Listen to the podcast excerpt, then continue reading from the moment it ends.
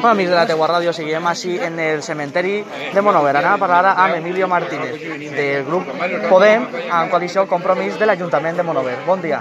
Hola, què tal? Bon dia. Eh, Emilio, com veus eh, que ha començat aquí els, els treballs d'exhumació d'aquesta fossa comú? Pues, home, jo estava parlant ara amb els familiars i també el que ha dit la consellera, crec que s'ha començat molt tard. Tindria que haver començat només iniciar la democràcia, però bueno, sempre pues, agrair els treballs d'esta gent, perquè en aquests moments que deia jo, de tanta calor en una època d'estiu, pues, que comencen d'esta forma, però bueno, nunca és tarde. Ja, lo comptà diran.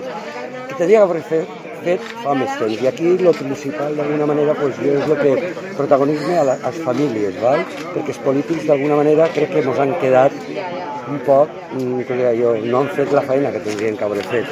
Però bueno, eh, recolzant a la, als familiars, donant-li tot el suport i l'apoyo que puguen tenir, i poc més que dir, eh? Bueno, des de l'Ajuntament de Monover hem parlat abans amb Alejandro García i amb la amb la regidora eh, Júlia Tortosa.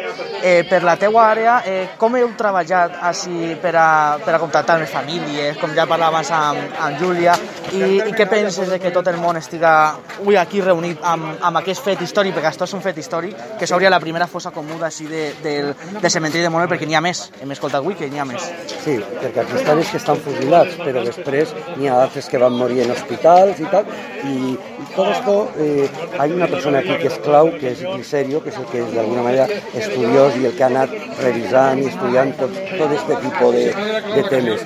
Però mm, jo poc, ja te dic, aquí vull fer suport d'alguna manera a la família, res més, perquè els polítics ja, eh, com deia jo, donem aquí un poc d'imatge, però realment l'únic que podem és apoyar les famílies, no puc dir res més, perquè me poso en el seu cas, si jo tinguera algú en terra d'aquí tant de temps ja, doncs la veritat és algo que no puc opinar com a polític, perquè crec, torne a dir, que els polítics han fet mal la seva feina. Això tindria que haver ser fet fa molts anys. Però bueno, poc més que dit, és legal. Nunca es tarde Nunca si la dicha es buena. Bueno, la dicha és sacar els, els restos dels familiars volguts que van ser afusillats injustament per un règim hay que dir-ho, fascista i criminal, i avui pues, es fa justícia i se llevaran els seus familiars per a poder tenir-lo a prop d'ell i poder, no sé, pues, tenir-los, per lo menos ser conscients de que tens el teu familiar en un lloc a prop i no està aquí en una fossa comú.